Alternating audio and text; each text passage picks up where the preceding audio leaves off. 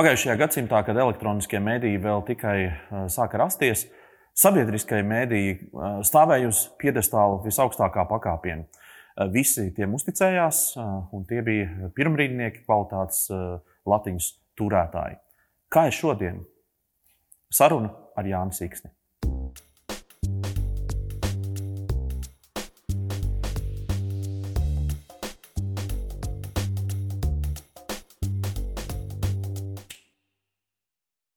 Jā, tā pieredze medijos, protams, ir um, mērām gadu desmitos, ja tie ir 20 gadi mm. un vairāk. Tieši runājot par sabiedriskajiem mēdījiem, tu tātad arī esi redzējis un piedzīvojis to, kā sabiedriskais mēdījis ir mainījies un, un transformējies. Kas ir tas, ko tu esi novērojis? Varbūt tādas, tādas dažas lietas, kas sabiedriskajā, ja mēs tieši runājam par sabiedrisko mediju. Un te varbūt ne, neizšķiram Latvijas radio, Latvijas televīziju, bet, eh, bet runājam par, par misiju varbūt kopumā. Kas, kas ir mainījies 20 gadu laikā? Ir lietas, kas ir mainījušās, un lietas, kas nemainās.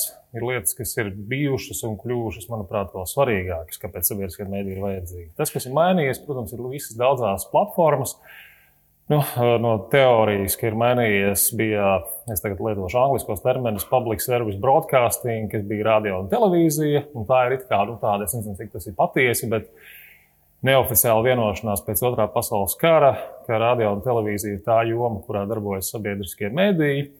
Un, un tad kā, nu, tie nedarbojas avīžu jomā, nedarbojās toreiz.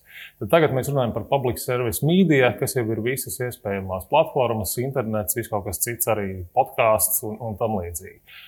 Un tas, kas nav mainījies, un, un kas ir tāpēc loģiski, ka ir notikusi šī pārējai no broadcasting, no radio un televīzijas uz mīdiju visplašākajā nozīmē, ir tas, ka ir saglabājies universāluma princips, respektīvi, ka publis, sabiedriskais mēdījis tam ir jābūt pieejamam visiem, visiem sabiedrības locekļiem, kuri nu, piedalās kaut kādā ziņā attiecīgās valsts teritorijā, sabiedrībā, vispār sabiedriskajā apritē, maksā nodokļus vai vienkārši dzīvo un uzskata sevi par šīs valsts pilsoņiem.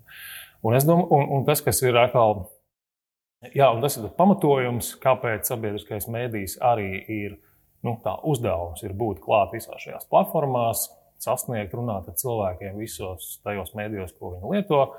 Tas, kas manuprāt ir kļuvis svarīgāks un tieši pēdējo nu, 10, 15 gadu laikā, ir tas, ka sabiedriskais mēdījis, manuprāt, ir vairāk kļuvis, tam ir jākļūst par kvalitatīvu mēdīju, kvalitatīvu žurnālistikas, nu, sarksuni, varbūt teiksim, tā, vai mhm. pīlāru. Vai paraugu. Vai paraugu, jā. Eh, un tas, protams, ir saistīts ar visām jaunajām eh, sociālo mēdīju, vispirms jau sociālo mēdīju platformām, kur mēs redzam ļoti daudz viedokļus, kur bieži vien emocijas valda par faktiem un patiesību. Nu, tad sabiedriskajiem mēdījiem, manuprāt, ir jābūt tam, kurš nu, tur kvalitātes, patiesības, tiešām latiņa augsta. Kā ir tev, tev pašu nekaitina tas, ka cilvēki saka valsts televīzija, valsts radio?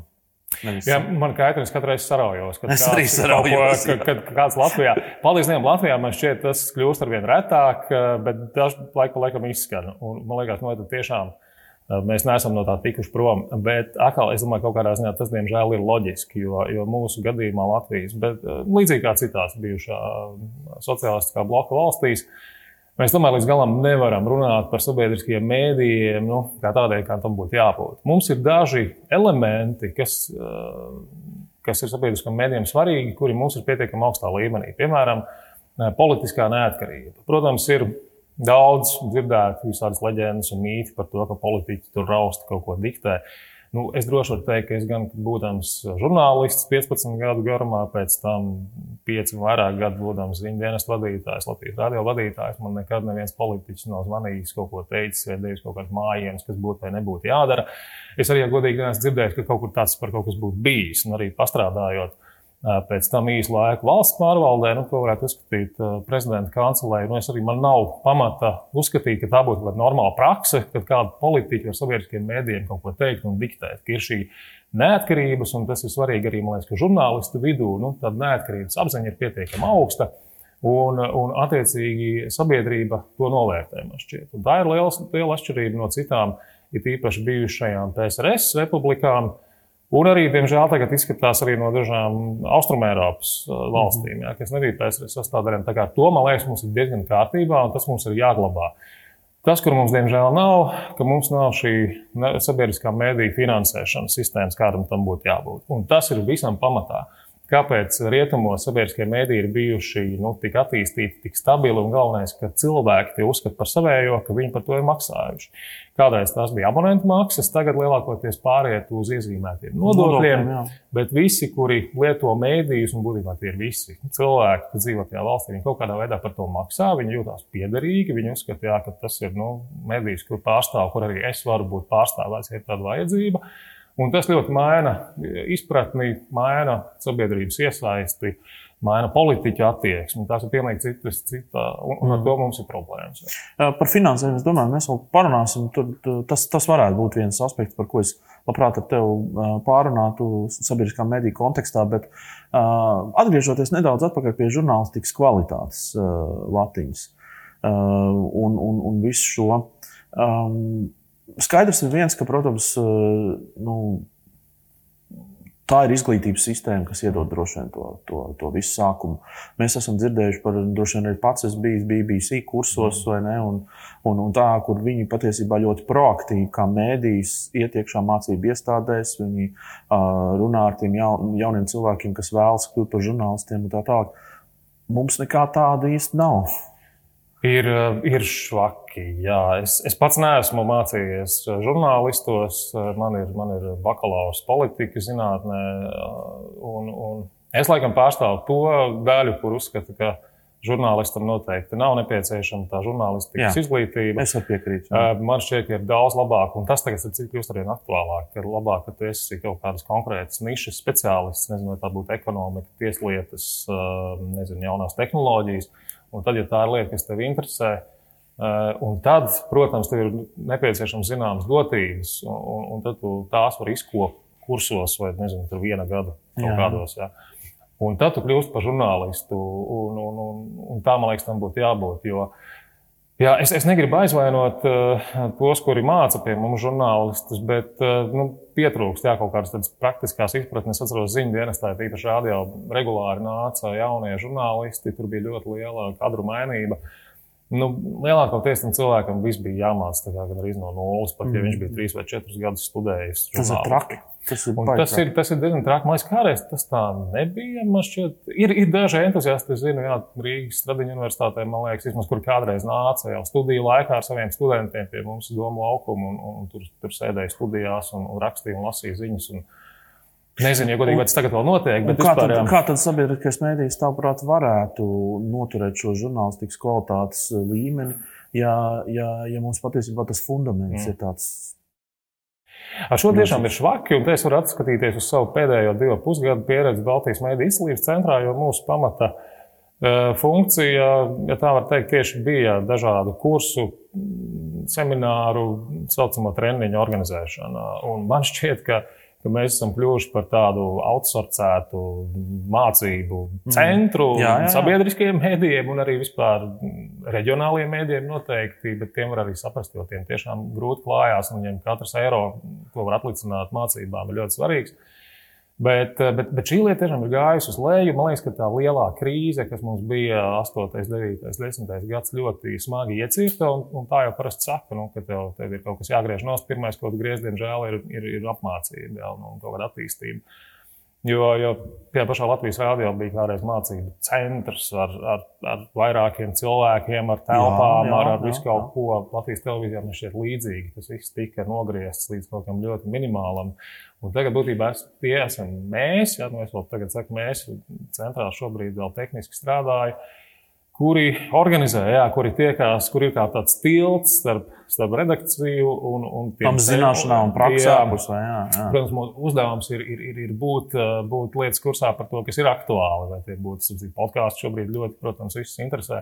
Mm. Visa veida digitālās platformas un tam līdzīgi. Nu, jā, mēs esam tie, kuri mēģina atrast piemērotākos trenerus un, un tad savest kopā un tā to darīt. Bet tam tā, es mm. domāju, nevajadzētu būt. Tīpaši sabiedriskiem mēdījiem vajadzētu būt pašiem, šķiet, kā tādām akadēmijām, kur. Tieši tā. Kas, tieši kas tā. varbūt, un, un, domāju, tas noteikti ir viens no uzdevumiem, kas tuvākajā laikā, kad pieredzējušākie sabiedrisko mediju žurnālisti paši ir jāpadara par, par treneriem, kuri noteikti var braukt uz reģionālajām redakcijām un visu kaut kur mācīt elementāras lietas. Jo tas, ko mēs redzam bieži vien, kad laikā, kad tiek stāstīts, kā nezinu, palielināt ienākumus no, no reklāmas pārdošanas internetā, cilvēks nezina, kā uzrakstīt ziņu, vai kā normāli nointervēt kādu, vai vispār kā rakstu uzrakstīt. Ja, tas nekur nav pazudis. Vienkārši tās lietas krājās nu, tādās kārtās. Un, mm. ja.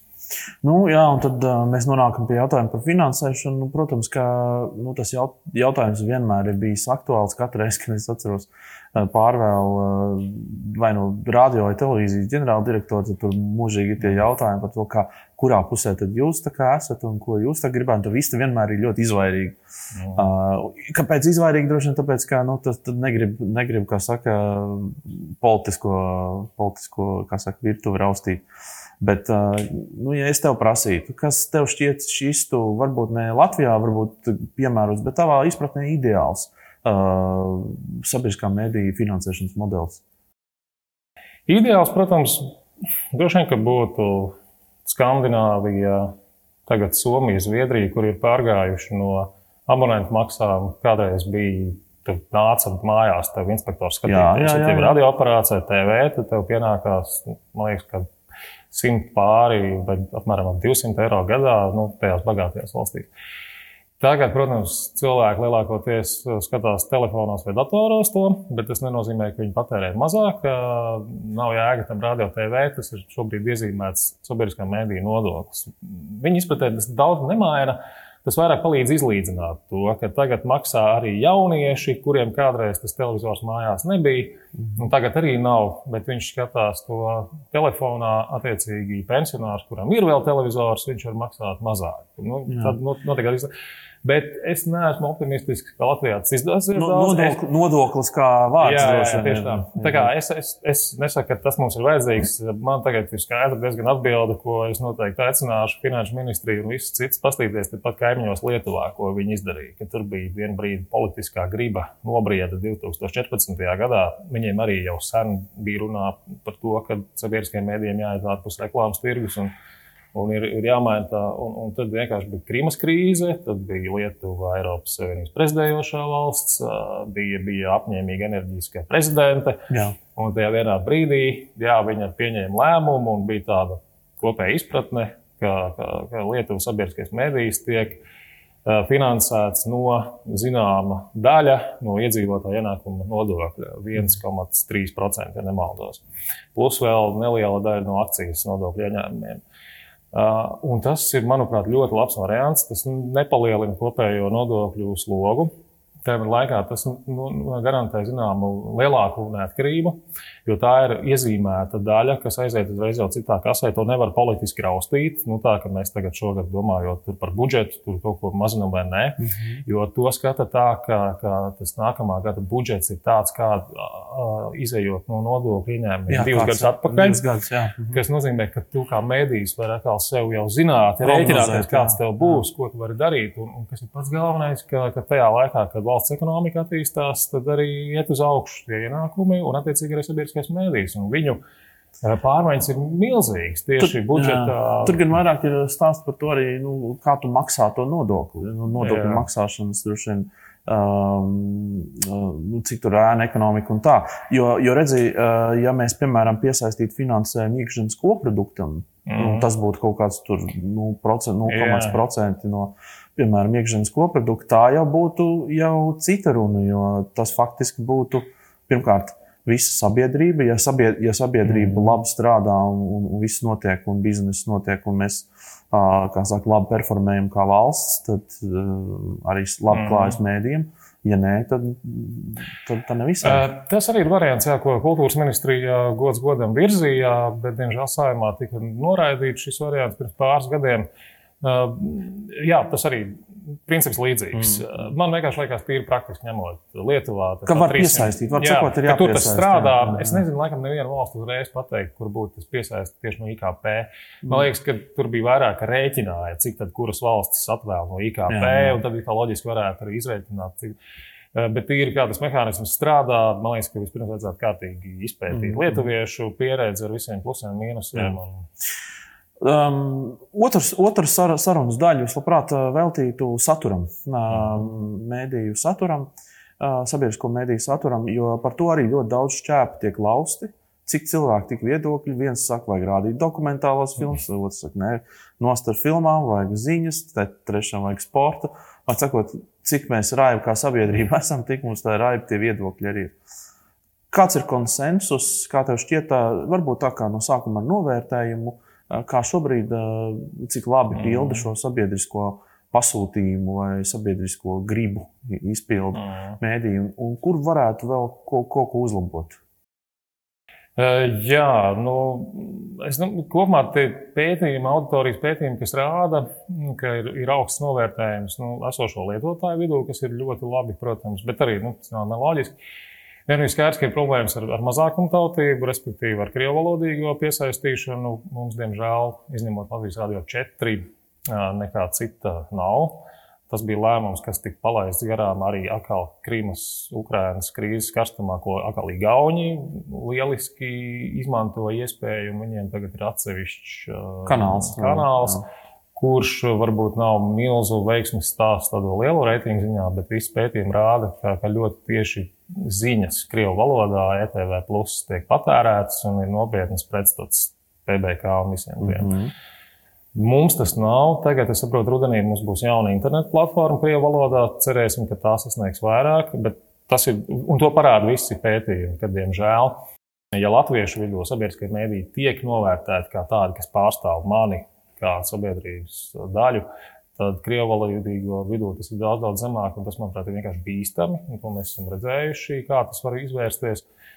E, otrs ir jauniešu mūžīgā problēma, bet tā ir visiem, visā pasaulē sabiedriskiem mēdījiem. Man liekas, ka pēdējos gados tur arī ir uzlabojums no to pašu piecēlē, gadējo labdarības kampaņu ar citām lietām, bet tur noteikti varētu daudz vairāk strādāt.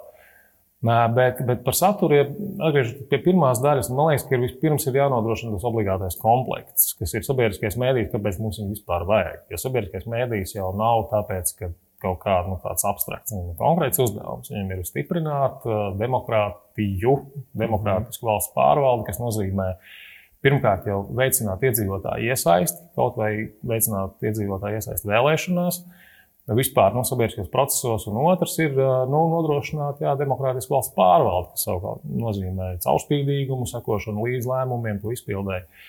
Un tas nozīmē, nu, man pašam, kā ziņu dienas darbiniekam, ilgadējam, tās ir pirms ziņas, diskusijas, analītika, pētniecība. Nu, tas ir tas, kam ir jābūt, kas ir dārgi, ko pri, privātie komercmediji mēģina kādā brīdī, bet lielākoties pēc kāda laika atmet, jo tas ir ļoti dārgi.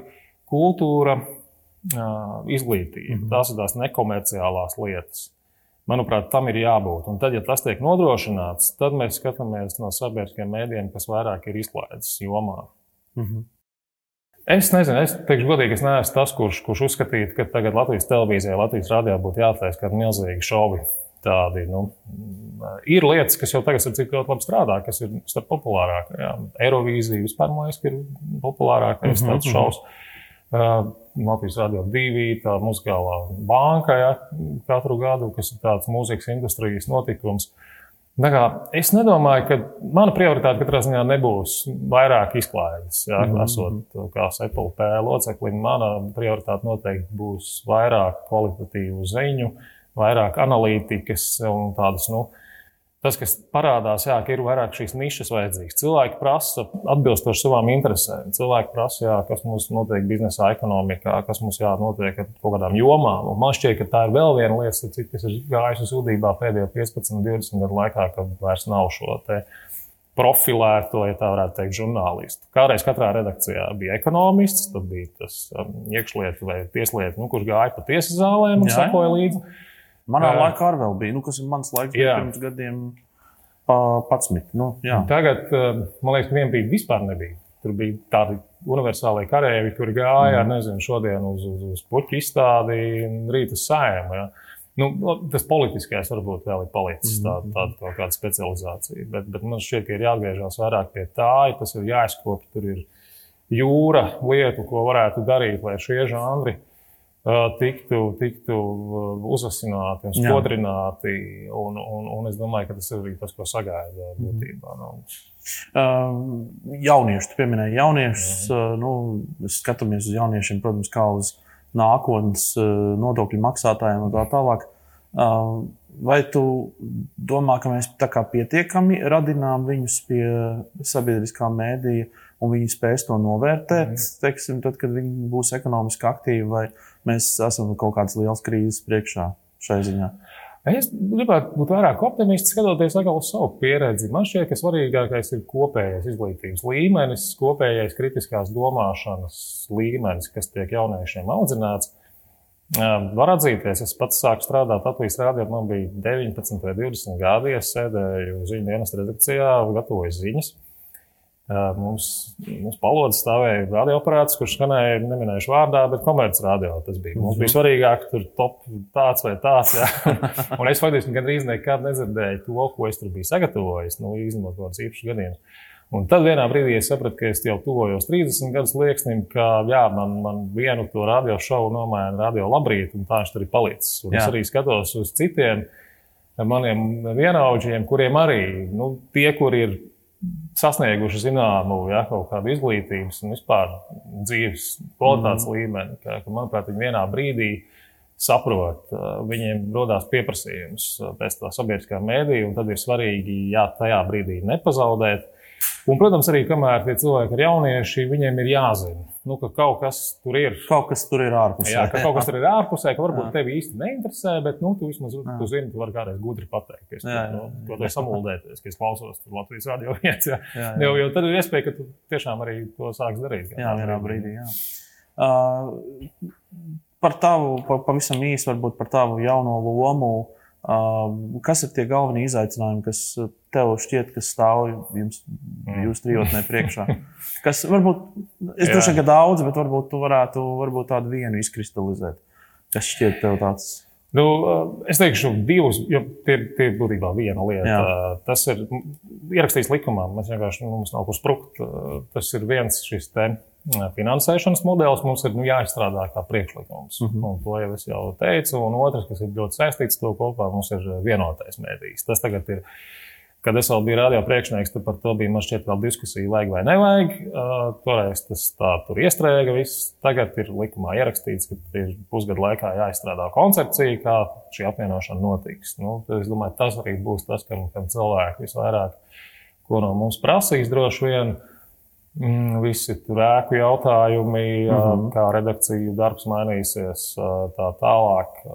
Jā, tas mums ir jāizdara pusgadu pēc tam, kad mēs esam sākuši strādāt. Bet mums droši vien pirmais mēnesis paies vispār atrast vietu, kur sēdēt un, un, un dabūt sev juristu un grāmatvedē. nu, tieši tā.